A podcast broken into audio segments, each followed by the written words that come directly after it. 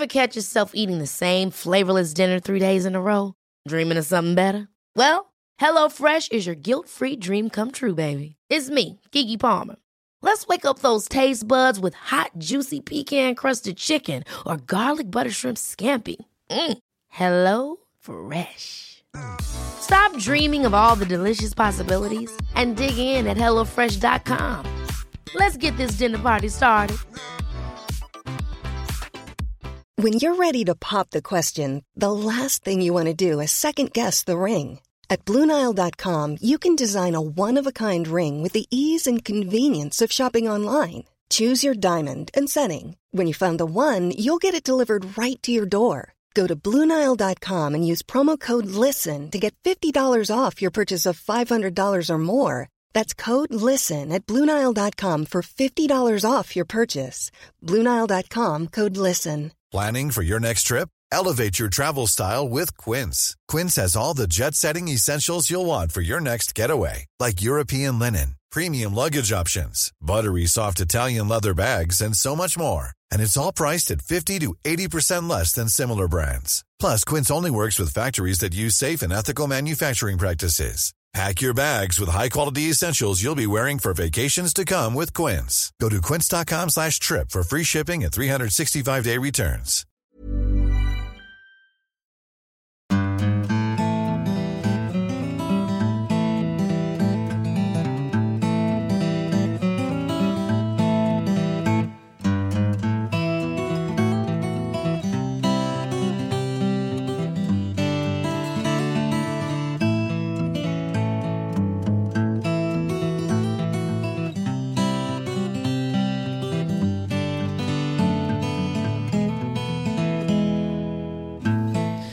Ja, ja, ja. Litt seinere enn vanlig, men uh, sånn går det i trivelig lag. Den som venter på noe godt, den venter ikke forgjeves. Er det ikke det de sier? Det er det de sier. Og hjertelig velkommen til en ny episode av Hall og knall-podden.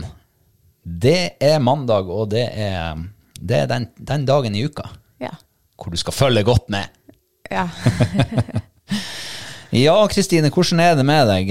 Jeg skulle til å si at eh, vi er litt seinere enn til vanlig, men det er jo fordi vi har hatt eh, din kjære bror, din kjære svigersøster, og ditt kjære tantebarn på besøk. ja, det var koselig. På mandagstaco. Ja. Ja, det er litt uvant å spise taco på en mandag. Det vet ikke om jeg har gjort før. Så det er fredag eller lørdag. Ja, det er litt helgemat. Men kanskje vi skulle ha innført mandagstaco.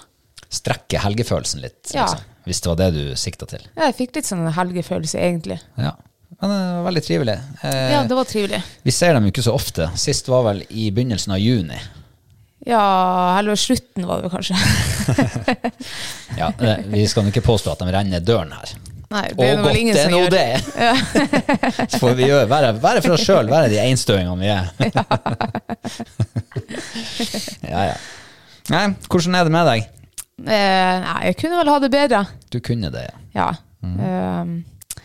eh, jeg hadde en så ganske dramatisk eh, ja, slutten av uka opplevelse. ja nær døden-opplevelse. Ja, altså nesten. Ikke nær døden, da, men det var, ja, For meg var det ganske dramatisk. Du, det hørtes nå ut som du var ganske nær døden da du ringte til meg. Ja. Du skjønner, jeg, jo, jeg fikk jo eh, så mange sånne mørketidshjertebestilling, så jeg tenkte jeg må jo bare komme i gang. Um, så torsdagsmorgen så begynte jeg. Eh, Jeg hadde ikke kommet langt altså før, eh, før eh, skrekken slo meg, holdt på å si. Ja, Um, ja, for jeg kjøpte sånn en eh, ståltråd. Og hun på blomsterbutikken hun sa jo at, eh, at den her kan ryke.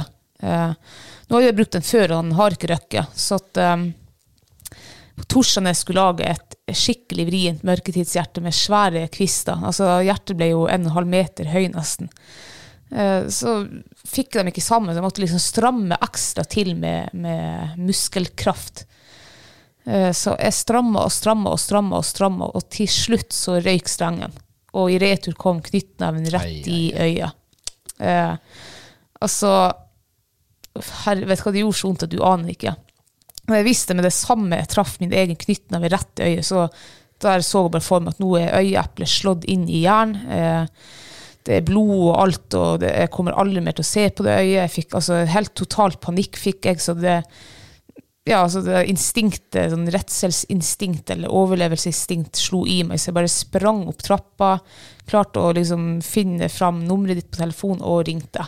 Jeg tror jeg ringte en par-tre ganger før du svarte. Ja, jeg var jo i innspurten på et viktig kundemøte, Oi. så jeg måtte jo avvise deg.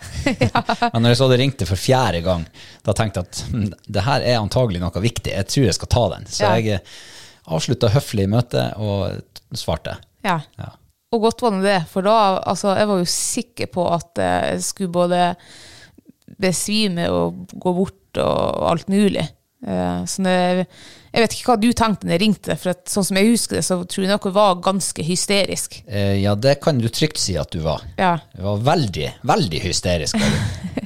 Og det var snakk om en streng og øye, og jeg så jo for meg blodsprut og hold i øyet og oppflerra alt, og eh, blodbad eh, inne, i kjelleren. ja. Så eh, eh, ja, det gikk faktisk ganske en bra stund før, det, før, før du klarte å formidle at det var ikke strengen du hadde fått i øyet. Du Nei, jeg tror jeg hadde snakka med deg flere minutter før, eh, før, ja, før, jeg skjønte at du trodde det var strengen. da, Og bare kunne konkludere. Det var ikke strengen, det var min egen knyttneve. det, var, det viste seg å være rett og slett en god, gammeldags knockout. Ja. Du hadde hjult opp deg sjøl, Ja. så til de grader. Ja, jeg har aldri fått så juling før.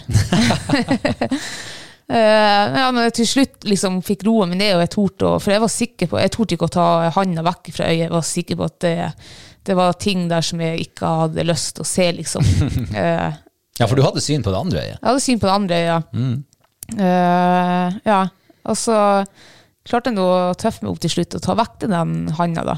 Og da ser jeg jo at jeg ikke klarte å se noe på det øyet. Det var helt sånn hvitt. Eh, men jeg blødde ikke. Så da klarte jeg å roe meg ned. Og øyet var der det var ment å være. Ja, det, jeg klarte ikke å åpne øyet. Det var helst som du vet når du får um, Hva jeg skal si Saltvann i øynene. Ja, for eksempel. Du blir sånn her, av helst sånn der, du klarer ikke å åpne øynene. Sånn var det, så jeg fikk ikke sett på øyet, men jeg klarte å blinke litt, og da så jeg bare hvitt. Jeg så liksom ikke noe.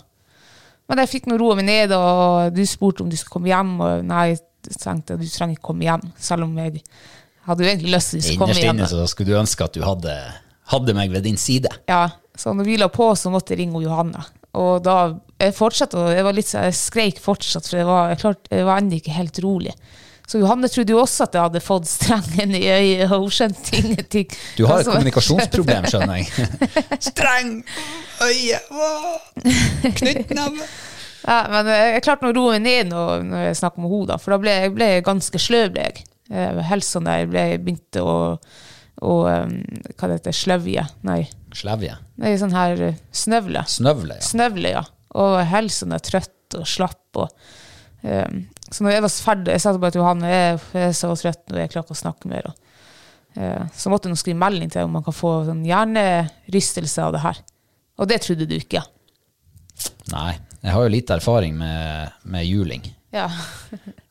Jeg fikk det én gang, men da fikk jeg blåøye på begge øynene. Og av deg sjøl, eller? Nei, nei, det Ja, var okay. ikke meg sjøl. Det var en annen som hjulte meg opp. Oh. Så, eh, men jeg fikk ikke hjernerystelse, så jeg tenkte at eh, et slag i ansiktet det skal vel godt gjøres, og av seg sjøl, så hardt kan det ikke være. Nei. Så hardt kan det ikke være. nei. Så jeg prøvde jo å berolige deg, men jeg ble jo litt sånn bekymra. Jeg tok, det opp med kollegaen min på jobb, og Ja. han sa ja, hjernerystelse, det kan man få.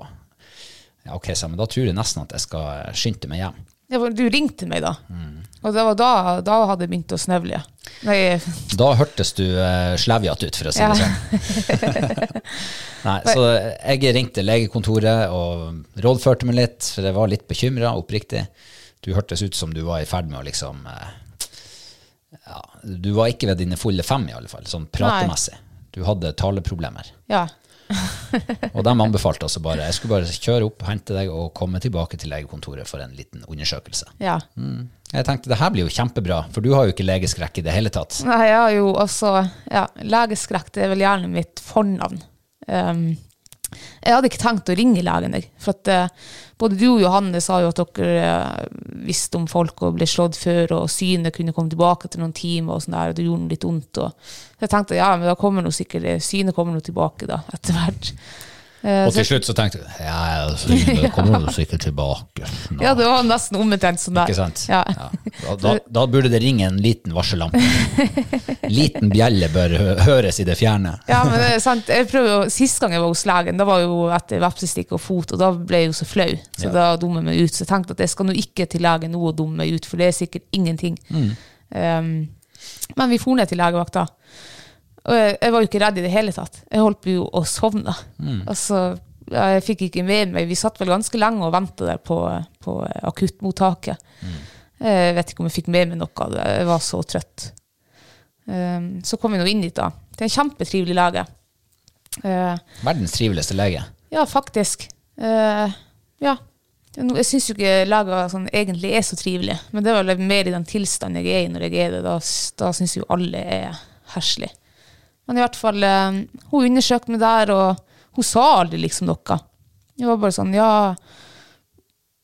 Hold i hornhinnen eller noe sånt her, og oi Ja.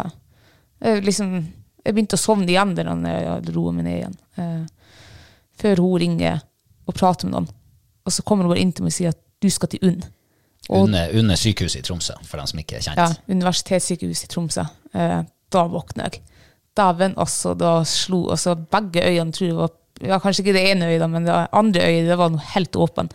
Jeg følte meg lysvåken. Jeg, vet, jeg tror jeg sluttet å snøvle. Um, ja, jeg, da ble jeg så redd at du aner det ikke.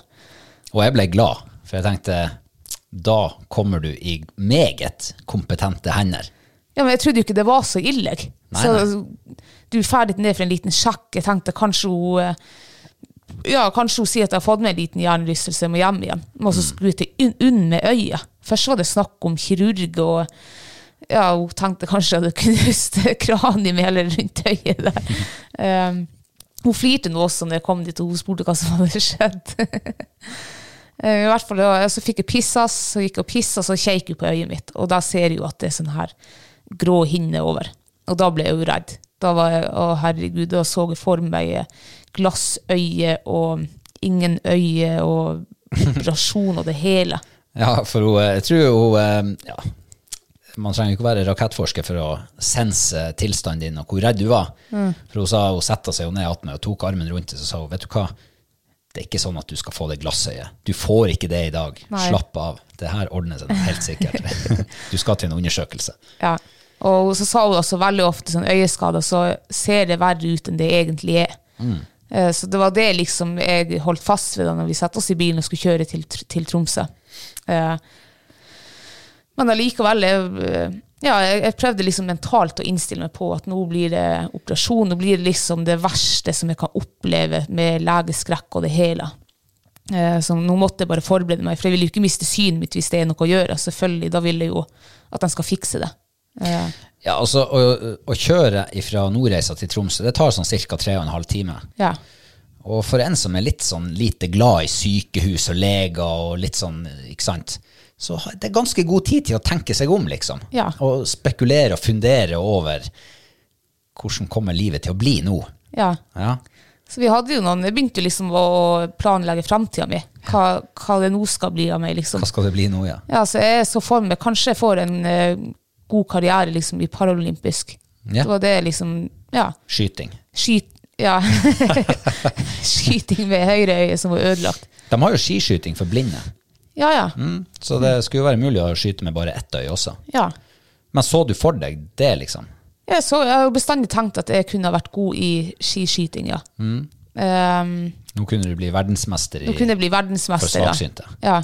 Ja. Uh, så jeg, ja, vi fleipa liksom med det bort igjen, og vi tulla noe. Vi hadde noe mye sånn galgenhumor, og det tror jeg faktisk hjalp meg også. Um, Siden jeg tenkte det verst. Altså det verste. Det er vel en sånn der iboende um, egenskap som veldig mange mennesker har. Ja. At man tenker det verste. Worst case scenario. Helt til det motsatte er bevisst. Ja. Så helt til en eller annen lege sier at vet du hva, du mister ikke øyet. Du får ikke glassøye i dag. Så har man tenkt Åh, tomt øye glassøye, kan ikke se mer på det øyet. Men det ulykksalige er jo at det er jo høyreøyet ditt. Det er høyre Og du øye. er jo høyreskytter. Ja. Hvordan hadde du sett for deg et liv uten syn på høyreøyet? Nei, altså, da måtte du bare trent opp det andre øyet, da. Det, det Hvis jeg fortsatt skal Ja, det er jo Men hvordan jeg ser det for meg, ja, hvis jeg har vært Jeg vet ikke. Ja. men tenkte nå- du så rasjonelt i bilen på vei til Tromsø? Nei, jeg gjorde egentlig ikke for jeg var ganske sløv Takk. når vi kjørte til Tromsø. Jeg satt vel mest med øynene igjen og satt og hangla der. Og det, og det som var helt utrolig Det har vært noen ganger før på UNN. Jeg har vært altså, så nervøs at det Altså, altså helt sånn der eh, nærtagende også hvis man spøker med noe og tar seg til tårene og hilser dem på, på pin. Men jeg var ikke nervøs når vi nærmer oss UNN. Altså, det var helt sånn, det var, som jeg var berusa på både morfin og alt mulig. Jeg var så sløv. Så, sånn sett var det veldig deilig å, å for, liksom, for en gangs skyld komme inn til et stort sykehus og ikke være i helspenning. Det syns jeg var deilig. Jeg hadde jo til og med fått sånn ledsagerbevis fra legen, Ja, det er jeg glad. Jeg hadde nok ikke gått dit inn uten deg. hvor det sto at eh, Robert skal følge pasienten til enhver tid. Ja, det er det omtrent det. det var kjempeviktig. Den, har du det der skiltet ennå? Nei, jeg tror jeg har kvitta meg med det. Æsj, den skulle du bare hatt sånn neste gang jeg må til. Men eh, det gikk jo bra på sykehuset. Det gjorde det, ja. Det var en veldig flink øyelege som tok tester i Jeg trodde først egentlig at hun Jeg satt og tenkte med meg sjøl når hun undersøkte deg, at eh, hun tester ikke øyet ditt nå, om det, for det tenkte jeg hun ser at det der blir bra igjen. Så det hun egentlig driver på det, men det er å teste synet ditt. Ja. Om du trenger briller. men det viste seg vel at hun hadde vel tatt litt mer grundige tester enn det. Ja, hun sjekka meg både foran og bak og altså på øyet. på øyet. Ja, det var masse tester. Eh, Og det tror jeg også hjalp liksom, på legeskrekken. At man kom rett inn, og du begynte med en gang liksom bare å, å lese noen bokstaver. og sånn der, Så at jeg gjerne kobla av hele den operasjon-greia. og det der. Og så sa hun jo når hun fikk kjek, kjekke på øyet, så sier hun jo oi og eh, skade på hornhinne og sånn der, men det, det kan vi ta etterpå. Mens etter hun hadde undersøkt, og da tenkte jeg uff, nei, nå blir det operasjon, da. Mens du igjen, du tenkte at, at det var positivt. Ja. Ja, altså, jeg er ikke så ofte hos leger, men eh, når de blir litt sånn her og nesten eh, bekrefter overfor seg sjøl at ok, ja, der er skade på Oi, ja, det var skade på hornhinna. Jeg tror hun sa oi fordi at det var så stor skade. Ja. Ikke fordi at det var skade i seg sjøl, for det virka jo å Det- være helt vanlig. Ja. Eh, En stor skade, og så var det liksom ikke Jeg fikk ikke inntrykk av at det var så mye mer som bekymra henne Nei. eh, underveis i de, Nei, for de det var liksom det der hun, hun sa, så hun skulle forklare mer seinere. Men jeg tenkte jo det verste igjen, da. Hun var ferdig, så sa hun at, um, at jeg, det var, man trengte ikke operasjon. Det var det var heldigvis ting som hilte seg sjøl. Og så visste hun på sånne øye som hun holdt i handa, eh, skaden jeg hadde. Og det var jo sikkert jeg vet ikke, 75% av øyet mitt var skada. eh, og store skader. Eh, så det, et, altså, jeg må jo bare flire av meg sjøl nå, at det går an å slå seg sjøl så hardt at du, ja, du faktisk slår skade på deg. Det hadde jeg aldri trodd. Og Tenk hvis du hadde vært enda litt sterkere. Du, altså At du hadde knocka deg sjøl helt flat. Altså At du hadde blitt slått deg sjøl ut. Knockout, rett og slett. Ja, men jeg, av. ja, men hvis jeg hadde truffet annerledes, så tror jeg faktisk jeg hadde kunnet slått meg sjøl i svime. Vet du hva? At det, det slaget jeg fikk i, rett i øyet, det var altså så vondt og hardt. Ja, jeg forstår det. Eller jeg forstår jo ikke det. Jeg har aldri, sikkert aldri fått så, sånn juling før. Han der som slo meg en gang, han var noe Han traff sikkert ikke så godt. Nei, og så tror jeg også hvis du Jeg har jo prøvd liksom å Jeg har ikke prøvd faktisk å slå på mennesker, men jeg innbiller meg hvis du skal slå på mennesker, så liksom du holder litt igjen, tror jeg. Gjør du ikke det? Ikke vet jeg. Jeg brukte hansker når jeg drev og slo på mennesker. Det- Det var mer sånn idrett. Ja, ikke sant? Nei, men, men eh, jeg var jo faktisk litt bekymra. Det må jeg si. Ja. For eh, jeg vet jo hvor viktig jakt og fiske er for deg. Og der spiller jo synet en kjempestor rolle. Ja, ja, ja. Og jeg kan tenke meg til hvordan, eller jeg kan ikke tenke meg til det, men, men jeg satt liksom og, og tenkte på hvordan kan livet bli hvis du ikke får synet tilbake igjen, altså 100 Ja. Hvordan blir det å utarte seg? Ikke, ja, litt for meg, men mest for din del.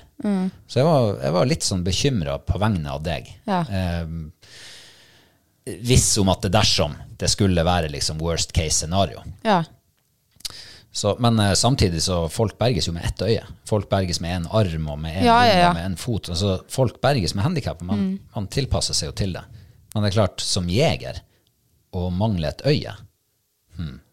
Ja, jeg er usikker på hvordan det hadde vært, altså. Jeg prøvde også å tenke litt faktisk når jeg satt i bilen på tur til Tromsø og jeg, og jeg tenkte at jeg kom til å miste synet mitt. Og, så prøvde jeg egentlig å tenke at det er folk som er verre enn meg. Det er sikkert mye verre å være jeger og miste en hånd eller en fot. Du trenger ikke være jeger, du kan være friluftsmenneske eller like å gå. og sånn der. Så det prøvde jeg å tenke på, at det, er- ja, det er folk som har det mye, mye, mye, mye verre enn det jeg har.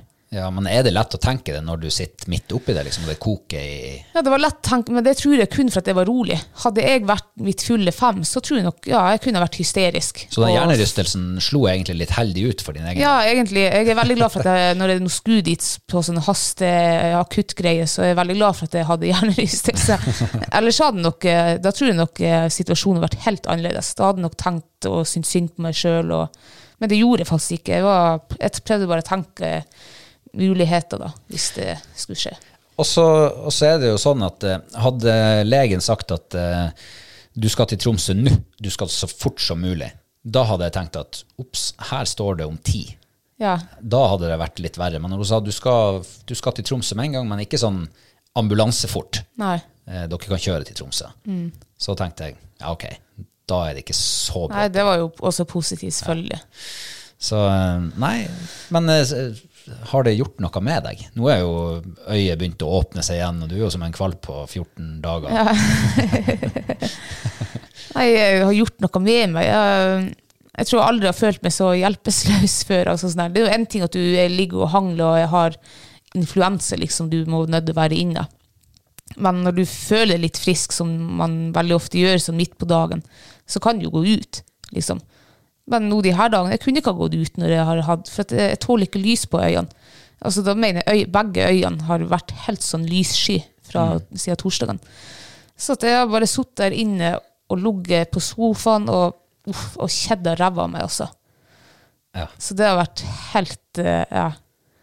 Uff. Eh, Da må jeg øve meg også på tålmodighet. da. Ikke kunne ha sett på TV heller. på Jeg så vel litt på TV på lørdagen, ja. Og da ble jeg jo søkk sliten i øynene. Og så så jeg litt i går, og da gikk det noe greit. Uh, ja. Ja. Og Legene sier jo at øyeskader de eh, leger seg ganske fort. Øyet har en tendens til å gro ganske fort. ja. Og eh, hvis jeg bare spoler tilbake fire dager, så var det ikke mye liv i det øyet der. Nei. Det var egentlig ikke så veldig mye liv i deg heller. Nei. Men jeg ser at fra dag til dag så blir det bedre. Ja. Det gjør det. Og når det liksom begynte å bli bedre, sånn ordentlig litt bedre i går, så er det blitt mer bra, altså enda bedre i dag. Så det, liksom, det går raskere, virker det som nå. ja. Litt sånn treg helingsprosess. Ja, jeg, merker at øyet klarer jeg fint å holde åpent nå. Uh, blir, jeg blir fort sliten i det øret. Og så klør det mye, og så ser jeg jo uklart ennå på det. Uh, og så Jeg er nå enda litt kvalm, men kvalmen har begynt også å avta. Jeg var mye kvalmere i går enn, jeg, enn det jeg er i dag. Eh, er du mest kvalm om morgenen, eller er det litt senere på dagen? Ja, kanskje det er en liten en på. Oh.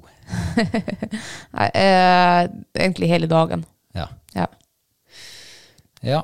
Nei, men da er det jo egentlig bare å eh, krysse fingrene for at eh, øyet gjør det som legen sier at det skal gjøre. ja. At det skal hele seg fort. Krysse fingrene for det, altså. Det var én ting jeg glemte å si. Ja, vær så god, jeg ble så skuffa, for når jeg kom til eh, altså både legen på Sonnatun og Øyelagen, så sa begge at oi, det her kommer til å bli kraftig blåmerke av. Du kommer til å få en skikkelig blåveis. Så jeg har jo gått og vant og gleda meg til den blåveisen der. Den er altså ikke kommet. Nei. Så skuffende. altså. Jeg hadde jo sett for meg å trø her på Storslett, en og en halv meter bak deg, og virke litt som ku. Og, Ja, litt krumbøyd og ja, tenk folkene blikket, blikket i bakken. Men heldigvis så har jeg alibi Ja. denne gangen. ja, da var jeg ferdig. Men uh, det er jo sånn at uh, den enes død er den andres brød, Det er sant. for å si det litt stygt. Ja. Men det er klart at uh, når du ligger med ett øye og, og, og litt vondt i hodet, Ja. og litt kvalm på morgenen, og, og på det andre øyet så ser du ikke så veldig mye, Nei. når det da piper bildet fra viltkameraet, og jerven er på besøk, Ja. hva gjør man da? Ja, da sender du ut din eh, livsledsager. ja jeg, jeg tenkte jo enda, hvis jerven kommer nå, så jeg må jo bare sende deg. Jeg kan jo ikke spolere den, den muligheten der. Nei. Og jerven var jo der på eh, ja, ganske lenge på lørdagen. Lørdagskveld og natt til søndag. Så eh, jeg ble jo pent bedt om jeg kunne tenke meg å, å ta en tur opp dit på søndag og sitte og vente på jerven om Ja. han skulle komme. Det takka vel du gledelig ja til. Altså, jeg måtte jo tenke meg om nøye her, ikke sant. sant? Ja, ja, ja, det er klart det. Og så skulle jeg ta sjansen fra deg, og Nei, tenkte du det? av og til så har jo det Nei, jeg tenkte ikke Nei, det! ikke- Selvfølgelig tenkte ikke det. jeg griper sjansen med begge hendene. Ja, ja, for det jeg sa når jeg begynte å, mate her i begynnelsen av sesongen, det er at Robert, du får ikke sitte her nå det her året, for nå har jeg nesten ikke jeg fått jakta jerv siden ja, Ja. ja. ja, for i fjor så var jo eh, viltkameraet var jo ikke på ditt lag. Nei. Og året før så var jo, satt jo du som regel der oppe. Ja, men det, det er litt stas å sitte der oppe. Eh, Ja. Så jeg for nå dit. Kjempefint vær. Vet du hva, det var så fint i skogen i går. Blikket stilla var det. Og det var så stilt, det var ikke en lyd å høre. Det bruker egentlig å være litt dårlig tegn når jeg tenker meg om. De gangene det har vært sånn her eh, kjempestilt, ikke et fugleskrik, ingenting, Nei. så har det ikke vært noe annet heller. Nei. Husker du de gangene vi har vært og jakta rev? Ja. Et par ganger det har vært sånn helt stilt i naturen. Ikke en trost, ikke en sjure, ikke en ravn. Ingenting. Ikke rev heller. Nei. Rart med det, altså. Ja. Men jeg tenkte jo at nå har jerven vært og forsynt seg her. Han vet nøyaktig hvor matfatet ligger. Jeg var faktisk veldig optimistisk Ja, når det var jeg også. vandra opp gjennom skogen. Det var tungt. Første skituren i år, faktisk. Ja. Eh, så eh, når man går alene sånn der, så man får tid til å liksom tenke og reflektere litt og planlegge hvordan skal det her bli. Visualisere. Hva gjør du hvis jerven er der før du kommer, eksempel. Ja. Alt sånn der. Gikk og tenkte og kverna på opp igjen. Hvordan er været? Ja, det, for det, det er jo nesten fullmåne nå. Ja. Og det bruker jo å være god hjelp når det begynner å bli mørkt. Og det blir jo mørkt sånn i halv tre-tretida. Ja. Tretida, da er det, det ganske bikkmørkt. bikkmørkt. Så jeg gikk nå og fantaserte med meg sjøl opp igjen der. Kom jeg inn i bua, fikk rigga meg til, søkkesvett, fikk tørre klær på, hvilket mentoren min ikke bruker å ha med seg. Jeg bruker det mer, men det er ofte så sliter å gjøre det der. Ja, ja. Det er enda mer slit å sitte og fryse. Ja, det er sant. Nå var det jo heldigvis ikke så kaldt, det var nå et par minusgrader. Ja. Men det var så fint. Godt lys og ja, satt der og spiste matpakken min og venta på jerven. Og jeg hadde kjempegod utsikt. Det kom ikke noe jerv. Nei. Men uh, hva det gjør med deg da altså når du sitter der og, og liksom har satt av den dagen til jervejakt, og den jerven kommer ikke? Blir du skuffa da? nei. Du gjør ikke det, nei? Nei, Ja, det er bra. nei jeg, jeg, jeg vet ikke om jeg har vært skuffa én gang når jeg har gått ned fra den jerve, jervebua di. Eh, det er noe eget med å sitte der oppe. Det er veldig spennende, ser det. Ja, det er det. Og, og eh, jeg, altså, om det er midt på dagen eller midt på natta, så kan jeg sitte og sove litt og duppe litt. Og, uh, en gang satt jeg og så på VM i sjakk Ja. mens det ennå var litt dekning der oppe. Nå er det veldig dårlig dekning. Ja. Skikkelig ustabil 4G-dekning. Så jeg tror ikke jeg hadde fått til å se på det en gang nå. Nei. Nei, eh, du sitter der oppe og venter og lukker øynene litt, og, og når du da åpner dem etter fem-ti minutter, så da, er det liksom, da kan det ha- kunne ha skjedd masse på den tida. har det peppe i Jeg har jo skrudd av lyden på revevarsleren, selvfølgelig. Eller åtevarsleren. Blinker det grønt? Er det noe å se ut gjennom vinduet? Har det skjedd noe? Har du sendt melding? Ingenting. Nei. Steindødt. Så eh, nei, jeg, jeg tror jeg har sittet der oppe i nærmere 20 timer på det lengste.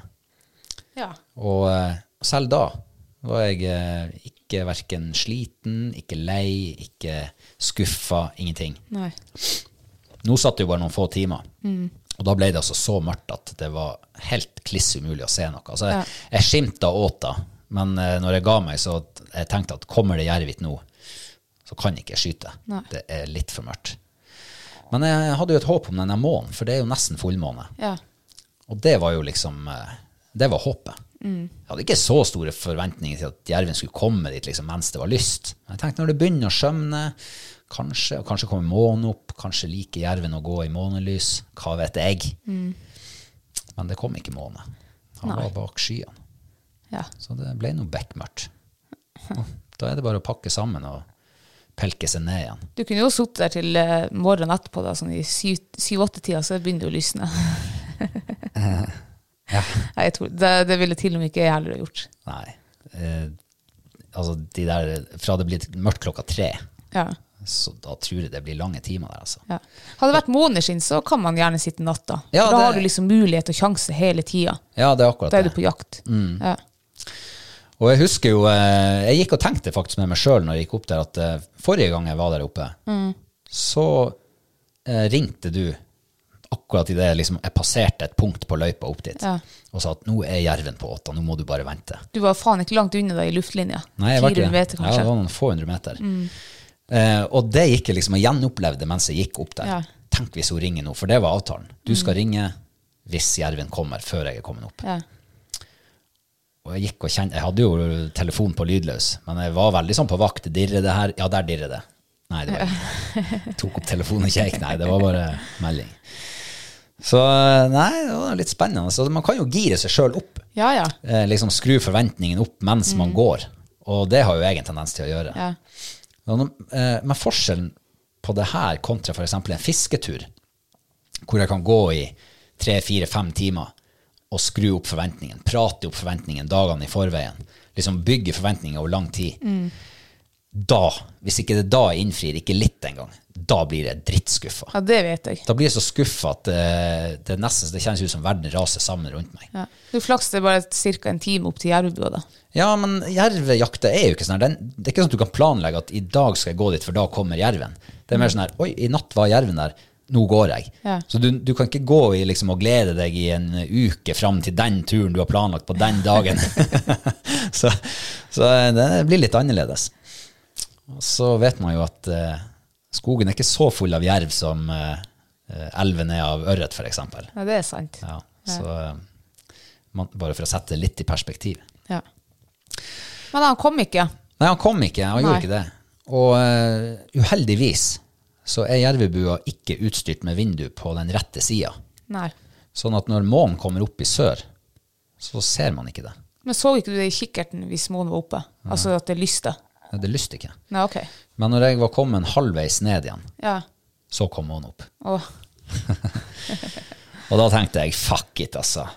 Tenk hvis jeg hadde, hvis jeg hadde hatt det der vinduet mot sør, en liten, bare en glugg å kikke ut gjennom, Ja. så kunne jeg ha sett lyset. Det, er det litt månelys her? Er det fare for at månen kommer opp? Og da kunne jeg ha sittet bra mange timer til. Ja, for jeg hadde jo mat i massevis med meg, og varm drikke og alt. Så, så da var jeg litt sånn her, æsj, den der bør bygges om. Du kunne jo bare ha gått opp igjen og sette deg. Ja, tror du det? Ja, det tror jeg jo. Ja, det jeg- kunne vel. Ja, men jeg tenkte at uh, hvis nå jerven er i nærheten, og jeg kommer ut med hodelykta på og, og begynner å orge med sekk og med ski og bråke og styre der Han kommer jo ikke da. Nei, kanskje akkurat der og da. Eh, I fjor jeg satte oppe. Eller var det flere? Ja, det var, jeg tror det var i fjor. Eh, så ble det jo bikkmørkt. Det var ikke noe måne der, så jeg tenkte at nå må jeg bare gå ned, for det blir ikke måneskinn, og jeg gidder ikke å sitte her klokka fire om ettermiddagen til klokka åtte i morgen tidlig og ikke gjøre en pellemannskitt. Så jeg gikk ned, og det tok halvtime for meg å trø ned derifra. Og før jeg hadde kommet til bilen, der får jeg bilde fra viltkameraet. Da var jerven der. Ja, og da hadde jeg gått ut med hodelykt på full guffe. og Ja. ja, så du vet jo ikke. Du kunne bare snudd og gått opp igjen. Jo, jo, men jeg, det jeg tenkte der og da, det er jo at Altså, har han sett meg, Ja. så da kan jeg sitte her til i morgen tidlig. Han kommer ikke. Mm. Eh, Det kan jo være at han var i nærheten, for han kom jo ikke i natt heller. Nei, han kom ikke, så sånn sett så hadde du sittet der, så hadde han Ikke sant? Jeg hadde sittet der i tolv timer til, Mm. og det hadde ikke skjedd noe fortsatt. Så da hadde jeg jo følt, sikkert følt at det var litt som bortkasta tid. Ja. Selv om det ikke var bortkasta likevel. Det var jo som jeg sa, begynte med. Det var jo fint å sitte der oppe. ja, ja, ja. Det er jo veldig spennende, syns jeg. Det er det som er liksom min drivkraft for at jeg gidder å sitte der. Jeg hadde aldri giddet å sitte på en, i en revejaktbu, f.eks. Men det er for at det trigger ikke meg. Ikke at jeg, jeg sier ikke at revejakt ikke er spennende. Jeg syns det er veldig spennende når, når det piper rever hjemme og man går i vinduet og kikker på den. Men det liksom, det gir meg, jeg kunne aldri gjort det på fjellet og sittet der i mange herrens timer. Men på jerven så Å, herregud, det, ja, jeg kunne ha sittet om så hvor lenge, hvis det er forhold for det. Ja, men det er liksom det som skal til. Ja. eh, Å sitte. Det, det blir ikke jerv uten å sitte der. Nei, det gjør jo ikke det. Vi har jo ikke jervehund. Så Nei. da blir det jo Det er jo det som er sjansen. Ja. Nei, jeg har jo hatt jerven på korn en gang før. Jeg vet jo hvor spennende det er. Ja. Jeg vet jo hvor blodpumpa jobber på høygir, ikke sant? og adrenalinet spruter i alle kanaler. Så, så det har jeg jo lyst til å oppleve igjen. Og når du sitter der, ikke sant, og, og fra der jeg satt, så har du jo ganske god oversikt. Det er ganske stor synsfelt du har utfor der. Ja, du har jo det. Så kommer jerven Det er jo nesten høyfjell der. Ja, det er jo det. Ja. Så kommer jerven, og du sitter og kikker ut vinduet, så ser du han på langt hold. Ja, ja, ja. Så det er liksom det jeg satt og liksom så det for meg. Hva gjør jeg hvis han kommer der? Mm. Mm. Hvordan skal jeg operere da? Og det, nei, det er spennende. Men eh, neste gang Ja, jeg tror, men nå har det vært så mye regn her nå i denne uka. Eh, Jeg vet jo at de har flytta dem nå med helikopter tror jeg, denne helga. Så det kan jo hende at det er større sjanse for å lykkes med jervejakt nå framover. Mm. Hvis det ikke er i området. Vi får håpe det. Ja. Ja, eh, men det er jo ikke bare jerven vi har vært og kjekke etter i denne uka. Nei. Det er jo noen av oss som har vært og spora gaupe. Ja. jeg kan begynne med altså, jeg, jeg fikk jo eh, melding her eh, tirsdagskvelden, tror jeg Har du noe å si hvilken kveld det var? Nei. Nei, hvorfor det er det så viktig da å få med seg hvilken dag det var? jeg må nødt å fortelle fra begynnelsen. her, Ja, men det har jo ingenting å si når det starta. Jeg fikk melding av masse spor rundt åta mi, ikke av noe dyr, og jeg tenkte jævla drittkamera. Fikk ikke noe mer bilde enn det. Så jeg måtte jo opp dit dagen etterpå. Eh, var jo, Og det var på onsdagsmorgen, kanskje? Ja, jeg tror det var. Ja. Har det noe å si for? Jeg skulle, jeg skulle egentlig helst ønske at det her var fredagsmorgen, for å kunne skylt på øynene mine. Mm. Men i hvert fall, jeg for opp, eh, så en, altså, jeg så så mye rein og reinspor at du, jeg kunne faen meg ha ja, jeg kunne Spist dem til frokost. skutt villmann der oppe og solgt og blitt millionær. Altså skyte reinspor? Jeg så så mye rein også. Ja, det var rein også? ja. Jeg Ja. du sa du så så mye reinspor at du Ja, kunne skutt og blitt millionær. Reinspor og masse rein Ja. eh, når jeg gikk opp til Åta. Jeg, så, jeg traff ikke på en eneste jervespor. Og vanligvis så treffer jeg på jerven som har vært liksom ringa, ringa inn åtebua mi. Jeg gikk nå inn i bua der og, og kikka på åta, og jeg ser jo det er noe spor der, men jeg ser at det er ingen åte som er rørt, så da konkluderte jeg med at jeg, det var Altså, jeg fikk kun bilde av, av det Altså, det har ikke skjedd noe mer etter det bildet jeg fikk da. Så jeg satt nå der en times tid, og det var jo regn overalt. Jeg tenkte at nei, det her gidder jeg ikke. Eh, Jeg går heller fram til åta og, eh, og um, spleiser på en busk liksom, til antenne, så jeg fikk antenne litt høyere opp. For jeg tenkte det må være dårlig dekning, siden, siden han ikke sender bilde av når det faktisk beveger seg foran. beveger seg foran. Ja. Så jeg for til åta, så ser jeg jo at ja, der er jervespor. Tenkte ikke noe mer over det. Gikk og spleisa busker der og var ferdig. Og så kjekk jeg på kameraet. Nei, det, han hadde jo ikke tatt bilde av noe dyr. Det var kun det ene bildet han hadde sendt meg, av masse spor.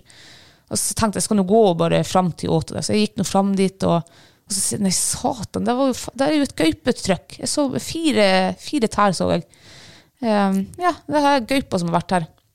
Og så hadde jo enda en par timer lyst. Så jeg tenkte jeg går og sporer litt se om det er flere, om det er en gaupefamilie, liksom.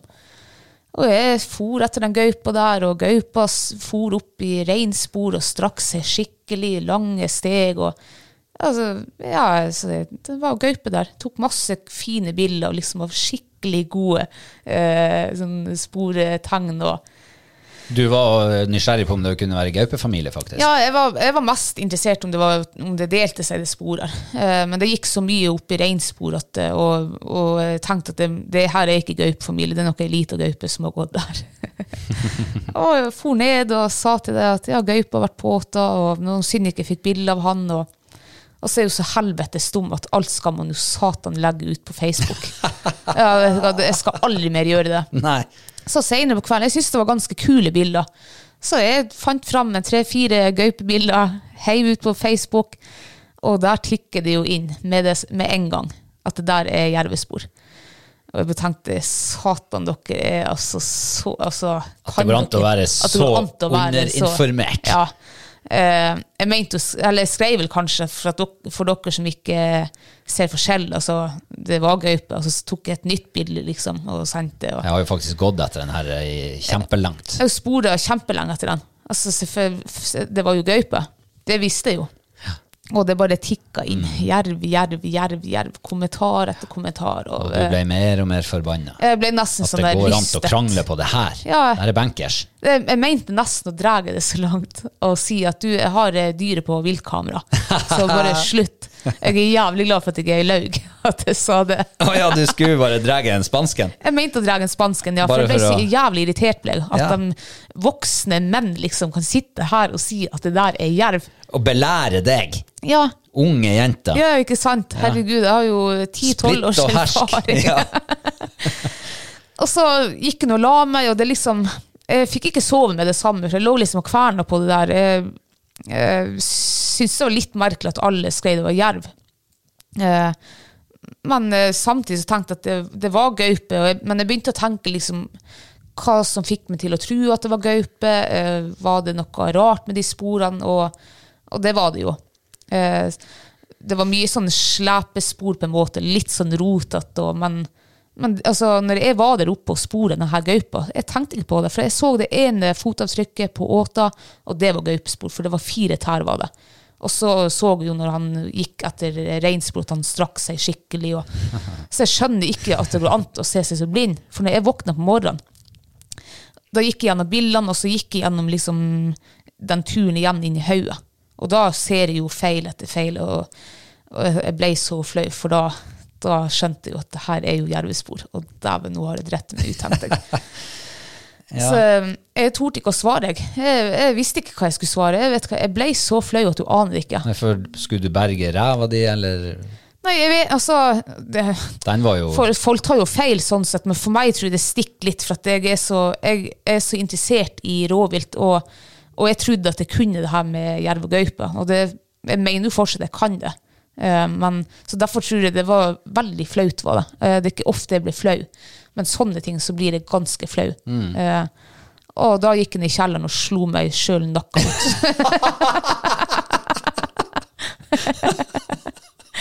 Så det skjedde. Eh, det var nok derfor tror jeg faktisk jeg slo meg, for jeg var sikkert så stressa og flau. ja, det må være det, tror jeg faktisk. Eh, Unnskyld at jeg flirer.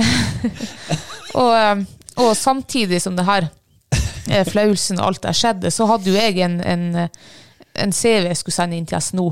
De søker jo etter en ny rovviltkontakt. Ja. Ja. ja, søknadsfristen går jo ut fredag. Så jeg fikk nå sendt den akkurat på fredagskvelden. Og da tenkte jeg at nå skal jeg svare dem de her, eh, på det jervebildet. De forstår seg på hverandre. Ja. Ja. Jeg la meg helt flat. eh, At selvfølgelig var det jerv. Og så skrev hun også at jeg håper jo ikke SNO har sett det her, for at jeg har jo akkurat sendt dem inn en, en, eh, en Jobbsøknad. jobbsøknad, ja. Eh, Og det tok ikke mange minutter, så fikk jeg jo ifra en, en SNO-ansatt at vi har sett. Og herregud, flau. Jeg er så flau at du aner ikke. Ja. Det sårer litt, skjønner jeg. Ja, det gjør det. Ja. Det såret, er det, hva er det såret? Er det stolthet av mest det såret, eller er det, hva er det? Ja, det er kanskje stolthet, da. Eller ikke at jeg har, føler at jeg har noe å bevise, det var ikke sånn der, men, at jeg liksom dreit meg ut. Jeg kunne heller ha, ha bare latt være å delt i bildet, så tipper jeg at etter noen dager så vil nok ha um, rekonstruert hele den situasjonen i hodet mitt og skjønt at det faktisk var jerv. For jeg, det var ikke det, jeg vet at jerven har fem tær, det vet jeg, men jeg så ikke det når jeg gikk etter den her. Jeg så de fire tærne, eh, og etter det så bare var jeg helt sånn på gaupesporing for å se om det var familiegrupper. Men eh, hvis du nå ikke hadde lagt det ut, Ja. og ingen da hadde hatt muligheten til å belære deg at det der er jerv, Ja. det er ikke sikkert du da hadde kverna i hodet, at eh, da var nei. det jo gaupe, ikke sant? Ja, ja, da Så det- det var jo veldig bra å få det liksom brakt på det rene at det var faktisk jerv du var spora. Det var ikke gaupe. Nei, egentlig ikke. Det kom jo med en, eh, 30 cent nysnø i løpet av den natta der, så at eh, alt sporet hadde liksom vært viska ut, og, og ingen hadde visst noe om det hvis jeg bare ikke hadde lagt ut noe. Nei. Men jeg hadde jo visst at det var en gaupe. og jeg eh, så jo at eh, det der ligna noe veldig på jervespor. Ja. Du sa det til meg på kvelden. Ja. Jeg bare 'Robert, må du slutte å være så fett dum?' Altså, du- hallo. Ja, for du hadde jo villet visst de bildene til meg, åkke som. Ja, ja. Så kanskje læregutten hadde sagt at eh, du, det der ligner noe veldig på jerv. Det der kan Men- ikke være gaupe. Og så hadde kanskje du hadde kverna hadde begynt å gå likevel. Ja. Men det, det som er så rart, altså, når jeg kommer hjem og kikker gjennom bildene jeg, altså, jeg registrerer, jeg ser jo på bildene nå at det er fem tær, men jeg registrerte det ikke det. der og da. Nei. Det er helt merkelig. Jeg trodde ikke jeg var så slørven og Jeg vet ikke hva som har skjedd oppi skolten min. Nei, men altså, man har jo alle en kortslutning i ny og ne. Ja, det var Til og med jeg har det av og til. Også. Av og til, en sånn en gang, sjelden gang iblant, så har jeg òg en kortslutning. Ja, ja. Men, eh, men eh, det jeg sitter og lurer på nå, da, Ja. det er jo eh, Hvordan går det med den stillingssøknaden? Jobbsøknaden? Nei, jeg har nok ikke hørt noe ennå. Jeg vet ikke hvordan man skal tolke det. Men eh, jeg var jo faktisk på jobbsøknad her hos SNO for noen år siden. Og da, var de, eh, da sa de hvis, kan du ta feil av spor? Ja, så det er klart jeg kan. Ja, Er du ydmyk da overfor det, og tør du å spørre om råd og hjelp og sånn? Ja, så det gjør jeg. Eh, det føler jeg jo egentlig nå at jeg har fått visst litt, da. Jeg la sånn. meg flat. Det tok bare litt tid. Ja, skal jeg skulle jo svare dem på torsdags morgen, men Ja, da fikk sant, jo en så gikk du og hjulte deg opp i stedet? Gikk og hjulte meg opp og var på sykehuset, altså. Jeg klarte ikke å gjøre det før på fredags ettermiddag. Ja, ja. Ja. Men uh, bedre seint enn enda seinere. Ja. Jeg syns du håndterte det helt greit. Ja. Eh, ja, på- bortsett fra den der selvskadinga du drev med. Ja. Bortsett fra det så syns jeg du håndterte det helt fint. ja. Eh, Jeg har lært én ting av det. Ja. Neste gang så skal jeg være mer eh, altså 100 sikker. Før du legger ut noe. Ja. Eller så kan du legge ut uh, hva er det her? Er det jerv eller er det gaupe? ja. Mente, jeg, jeg fikk, Facebook vet jo svaret på alt. ja, ja, ja. Ja, ja. Jeg fikk jo bilde av jerven her på lørdagskvelden, så jeg mente jo å legge ut bilde av jerven og si at nå er gaupa på åta, bare for å være artig. Men det gidder, for da trodde jo folk sikkert at nå har du jo eh, nå er du blitt helt. Så det torde jeg ikke å gjøre. Ja, ja, ja. ja, ja. Nei, men da har vi lært oss det, da. Ja. Yes. Vi skal over på den faste spalten eh, Ukas mathøydepunkt. ja. Eh, jeg må bare først si at eh, vi fikk eh, veldig kyndig hjelp. Vi, vi, hadde jo, vi snakka jo forrige gang om den, de reinene vi parterte. Ja. Og vi hadde jo to lår fra en simle som vi ikke helt visste hvordan vi skulle angripe. og at vi, ja. Så han Mikkel, vår gode venn Mikkel, han har jo skåret opp noen tusen rein i sitt liv. ja. Så han tilbød seg å komme kjørende fra Kautokeino til Reisadalen. Kun for å hjelpe oss. for å vise hvordan man gjør det der. Og det er faktisk noe med det å se fagfolk gjøre faget sitt. Ja. Det var smakk, smakk, snitt, snitt, skjær, skjær, riv, riv, og så var lårene oppskjært. ja, det tok altså ikke mange minutter. Og hvor mye kjøtt det er i et sånt lår. Ja, herregud. Der er mat i lange baner. Ja. Det hadde ikke jeg trodd. Altså, det lille låret der. Ja, det ser så lite ut. Det ser lite ut, ja, men det er jo faen med middager til Altså så mange middager på ett lår. Så eh, det, det gleder jeg meg til å, eh, å spise litt av. Ja, det gjør jeg også. Ja. Nå har vi altså reinkjøtt hele denne vinteren her. Ja, det har vi. Og ennå skal vi få mer. Å, jeg gleder meg. Ja. Men uh, har du noe mathøydepunkt fra uka som har gått? Ja, det har jeg faktisk. Ja, få høre. Ja, nå, uh, vi salta jo uh, sauhaug her for noen uker siden, og kokte det. Salta sauhaug. Det var helt greit. Jeg tror ikke det var noe sånn wow. Det var jo wow. Ikke for meg. Eh, La meg nå se her. Hvis jeg blar tilbake i eh, manuset fra noen uker tilbake, så var det altså sauhaug som sto som ukas mathøydepunkt Ja, det var, uka. det var ditt. Det var nok ikke mitt. Det, er, det var våre begge. Det går ikke an. Så nå tror jeg at du bare husker litt dårlig. Vil du legge det flat nå og bli ferdig med saken, eller skal vi krangle videre? Nei, altså, jeg, da har vi spist jævlig mye dårlig mat denne uka. Ja, det kan jo være. Ja, da må det være det. Men denne uka var det sauhaug. Ja. Eh, Ja. Men i hvert fall, så vi har nå latt dem henge en par uker. Så det ble bukna sauhaug. og det lagde vi her i uka. Å herre jesu fader, det var fantastisk. Ja. Det var altså så godt.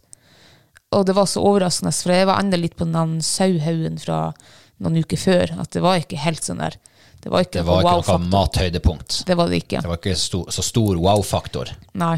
Men det her var det altså stor X-faktor på. Altså, det var helt nydelig. Men hadde du sett fram til det, eller var det noe du følte at du ble påtvungen at vi skulle lage de der haugene? Nei, jeg hadde, jeg hadde egentlig ikke tenkt så mye på det, for du minte, for jeg tror jeg skulle ta opp noe fisk eller noe koteletter fra fryseren. Og så sa de ja, men vi vil koke sauhaug. Jeg bare, å faen, de sauhaugene. Ja, ja. Så jeg hadde egentlig jeg hadde ikke gleda meg til det, eller noe sånt. Nei. Men jeg ble veldig, veldig positivt overraska. Det var altså helt nydelig, og så annerledes enn en bare kokte sauehaug. Ja, det var akkurat som du vet, tørrfisk. Ja. Det smaker veldig konsentrert fiskesmak. Eh, og bukna sauhaug, det var liksom litt sånn konsentrert kokt sauhaugsmak. Altså det var litt mer nesten sånn skarpere smak, litt sterkere smak, litt mer Å smak. ja, nei, det syns ikke jeg. jeg Syns syns? Nei, jeg syns det var kokt. Av kokt sauhaug, ikke bukna. Ah. Der var det veldig skarp sausmak. Det var nesten som å, putte nøkk inn i kjeften, liksom. Altså, jeg fikk den følelsen at du, at du putta inn sau, sauen, eller hva. Du putta saukjøtt inn ja, i det kjeften, smakte faktisk. saulukt. Ja. Ja. Men det gjorde ikke av det bukna. Å ja, sånn, ja. Det var veldig, altså det var skikkelig sånn god og deilig kjøttsmak. Altså, altså da lamme, altså kjøtt, ikke sau. Ja, det altså det smakte jo sau eller lam, ja. men ikke på den måten. Nei. Å, herregud, det var nydelig. Ja, vi har veldig rart at vi har så forskjellige oppfatninger av det. Ja. Men uh, anyway, jeg eh, var faktisk litt skeptisk, det må jeg si. For jeg har sett de der haugene har hunget ute i garasjen i 14 dager. Det har ikke sett kjempedelikat ut. Det har hunget sånn der han er saft, størkna saft ifra dem. Det, det har sett ut som en maske du kjøper til halloween, Ja, eh, bare enda verre. Voksent maskeradeparty. Ja. Øh, vet hva, jeg var sikker på at det der er surt. ja. Men det var ikke det. Nei. Eh, Så feil kan man ta. Man skal ikke skue hunden på hårene. Nei, og som du tenke på, det var jo Eller ganske sauene bra salt, salta. da. Ja, ja, det var jo det. ja. Så, eh, Ja, det var veldig godt. Og så var det jo en annen fordel med det. ja. Det var jo at eh, dem som vi ikke klarte å ete til middag, det ble det jo masse pålegg av. ja, for vi kokte jo alle haugene som vi hadde. Alt gikk i gryta. Og det må jeg si. Det var eh, På denne tida av året så er jeg så ofte påleggslei. Ja, jeg også. Sånn, her, jeg har spist mye syltetøy, det begynner å bli lei. Eh, kjøtt, pålegg og Hvitost og skinke og majones og. Det, det, jeg har ikke lyst til å ete frokost om morgenen, Nei. fordi at det er så kjedelig pålegg. Mm. Når du da kan eh, drege fram en boks med bukna sauhaug Ja. Det er så godt! Og masse majones på. ja. Ja. Jeg må si at eh, eh, Jeg tar det litt på min kappe, for du spurte når uh, sauene var ferdige om vi skal rive dem av. Så la dem nå kjøle ned i den gryta der. For det hadde jeg eh, lest med sånn kutunge. Og gjort også. Eh, og vi skulle la det kjøle ned til dagen etterpå, da, men da havna vi jo bort hjemmefra. på på Ja. Ja. Så vi fikk jo ikke gjort det her før i fredagen. Mm. Så den lå jo ganske lenge der og kjølna ned. Så det ble jo til slutt sånn gelé eh, rundt dem. Ja. Og det syns ikke jeg var noe særlig, for det smaker, det smaker sau av dem. Sånn sauull, fjøs. Fjøs smaker det av dem. Fjøs, ja. Ja. Så jeg var ikke så begeistra over det pålaget. Det var de stykkene som ikke var sånn saubefengt, liksom, de var veldig gode. Det er saukjøtt som ikke hadde så mye sausmak i. Det Ja. ja. Jeg skjønner hva du mener. Nei, men, eh, men altså eh, Det er veldig potensial i det der òg. Mm. Hadde vi tatt dem opp med en gang og kjølna dem på benken, og, og så plukka kjøttet av dem, så hadde det kanskje vært en helt annen opplevelse for deg. Ja, det tror jeg. Og så er jo ikke jeg så fin på det som deg, sånn tungemessig. Altså Nei. smaksmessig, mener jeg. Eh, så så eh, jeg syns det var veldig godt. Det var i hvert fall veldig fin avveksling. Ja. Jeg gleder meg mer til den oppdrettslaksen som gikk i sildgarden til faren din. Den må vi forresten ta opp i dag. Det stemmer, det. Ja. Det skal bli pålegg. Var det ikke det? Mm. Ja, men uh, Bukna sauhaug er da ditt uh, mathøydepunkt. Ja. Vil du høre mitt? Ja, det vil jeg. Ja, vær så god. Det er uh, fersk, selvlaga spikkesild. Åh, Det har jeg aldri gjort før. Har du? Nei. nei. Nei, vi har ikke gjort det før. Aldri. Vi har aldri gjort det før. Bare fått ferdig spikka. Mm. For et fantastisk måltid det var. Det var veldig godt. Ja, det var helt sinnssykt godt. Mm. Og nå hadde vi jo tuna tilbehøret.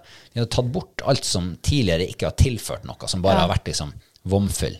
Kokt egg, eksempel. Ja, det har brukt. ingenting med. Nei, det trengte vi ikke. Så vi satt igjen med de tingene som vi syns var aller best. Mm. Og den fisken spikka salta i seks dager, Ja. cirka. Og sånn rein, frisk sildesmak. Ja. Ah, shit, ja, det var fantastisk godt, altså. Ja, Jeg visste ikke at sild kunne være så godt. Det var så skikkelig sånn deilig fiskesmak. Mm. Mm. så det er mitt, eh, mitt mathøydepunkt. Ja. Eh, da skal vi over på uh, uh, Q&A var det. Var det ikke det? Jo, Ja. ja. Det skal vi over på. Vi skal nemlig ha en Q&A-episode neste mandag. Det skal vi ha. Det hadde jeg helt glemt. Ja, jeg så det på deg, så Ja. jeg tenkte nå her må jeg steppe inn. Veldig bra Ja. co-pilot. ja, men da kan du eh, si litt om det. Ja, er det så mye å si om det? Vi skal Q&A neste mandag. Ferdig. Skal vi gå videre, da? Nei, jeg tenkt, for jeg er liksom ikke program, programleder her. Nei, men Da kan du øve deg nå. Nå Ja, får du eh, 30 sekunder på deg til å fortelle hva som skjer neste okay. mandag. Eh, kjære lyttere. Neste mandag så tenker jeg og min eh, kjære Robert å holde en Q&A-episode for eh, dere. Eh, I den forbindelse så ønsker vi eh, spørsmål. Det kan være om alt mulig. Det kan være eh, Ja, nå er ikke jeg så jævlig kreativ, men eh, finn på et eller annet, spør oss. Vi svarer på alt. Ja. Gjør vi ikke det, da? Jo, ja, selvfølgelig. Ja, selvfølgelig. Var det bra? Ja, hvordan skal de få sendt sine spørsmål? Alt de brenner ja. inne med å ha gjort det siste året. Ja, da må dere sende til Hall og knall på sosiale medier en eller annen plass. Ja, det er enkelt. Ja. Og så eh, er det jo kjempehøvelig for oss hvis dere sender alt til Hall og Knall sine kontoer. Ja. Ikke send til min, for da glemmer vi å finne det fram, og så blir det borte. Det blir så mange plasser å holde Ja. styr på det. For vi har jo samla alt det andre i én sånn konto. ja. Ja, det hadde vært kjempehøvelig, altså. Gjør det. Så det blir det neste mandag. Det gleder jeg meg til. Det gjør jeg også. Ja, hvis det ikke kommer noen spørsmål, så blir det en vanlig episode. Da blir det en vanlig Ja, episode. blir en vanlig episode. ja, ok, beklager at jeg glemte det, men jeg syns du bergas det ganske bra som programleder. Var det greit? Ja, jeg føler meg egentlig Jeg kunne jo prøvd å ta litt mer ansvar sånn, og ta litt sånn en åpning og hei, velkommen til Hall og knall, men, men jeg føler at du er så mye bedre enn meg. Du har liksom den radiostemmen. Ja, men uh, her, vi skal ikke ta sånne ting opp på lufta. Det her er Nei. sånn som vi tar etter sending. Å ja, sånn, ja. Så- ja, sant. sant. Der ser du hvor det, Konseptforbedringer og sånne ting. ja, ja, men ser du hvor mye peiling jeg har på det. Da skal vi videre, og vi skal over på det jeg skulle introdusere. For nå skal vi introdusere vår uh, sist nyankomne patron. Ja. Og det er en herremann, eller en gutt, eller en mann, som heter Ulrik Dahl Brøndbo. Ja. Ja. Og eh, han har jo et profilbilde. Av en rein. Det ser ut som en svær rein. Skikkelig svær, ja. Det geviret er jo like stor som meg, nesten. ja det, du er så liten er du ikke. Nei, men vi er nå det her oppe. Men Brøndbo, det hørtes noe eh, jækla kjent ut. Ja, Kan tenker det- du på eh, Det det er.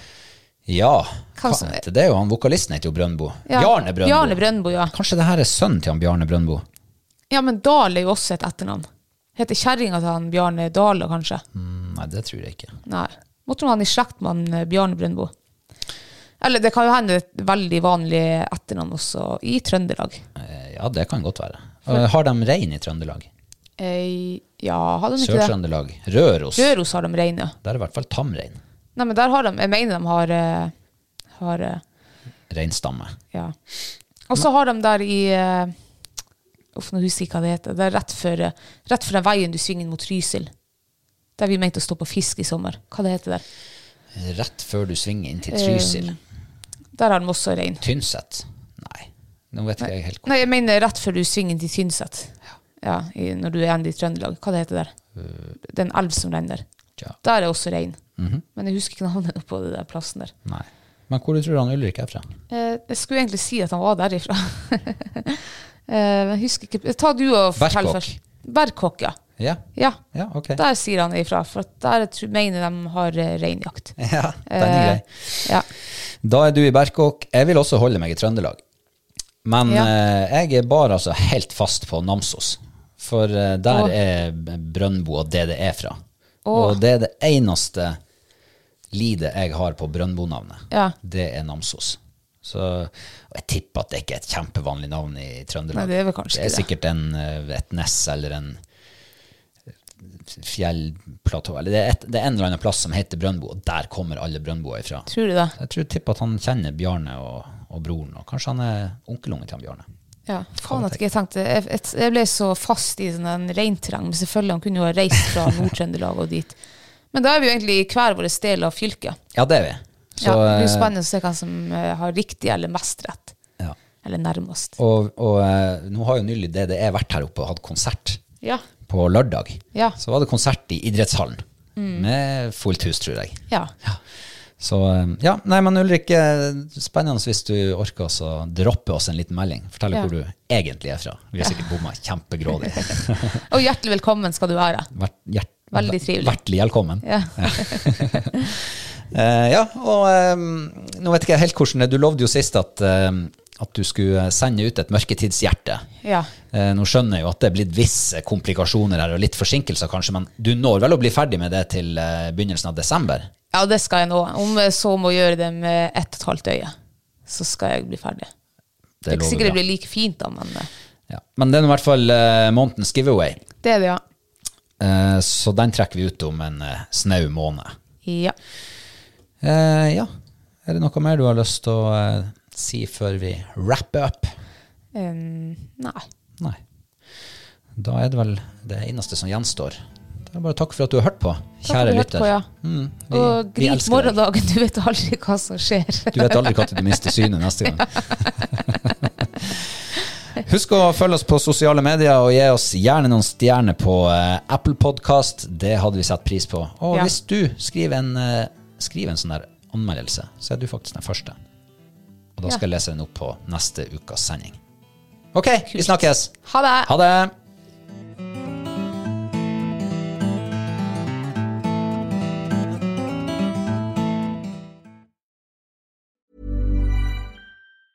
Hi, I'm Daniel, founder of Pretty Litter. Did you know cats tend to hide symptoms of sickness and pain? I learned this the hard way after losing my cat, Gingy. So I created Pretty Litter, a health monitoring litter that helps detect early signs of illness by changing colors, saving you money and potentially your cat's life. Pretty Litter is veterinarian developed, and it's the easiest way to keep tabs on your fur baby's health right at home. Go to prettylitter.com and use code ACAST for 20% off your first order and a free cat toy. Terms and conditions apply. See site for details. Hold up. What was that? Boring. No flavor. That was as bad as those leftovers you ate all week. Kiki Palmer here, and it's time to say hello to something fresh and guilt-free. Hello Fresh. Jazz up dinner with pecan-crusted chicken or garlic butter shrimp scampi. Now that's music to my mouth. Hello Fresh. Let's get this dinner party started. Discover all the delicious possibilities at hellofresh.com. Imagine the softest sheets you've ever felt. Now imagine them getting even softer over time. That's what you'll feel with Bowl and Branch's organic cotton sheets. In a recent customer survey, 96% replied that Bowl and Branch sheets get softer with every wash. Start getting your best night's sleep in these sheets that get softer and softer for years to come. Try their sheets with a 30-night guarantee. Plus, get 15% off your first order at bowlandbranch.com. Code BUTTERY. Exclusions apply. See site for details.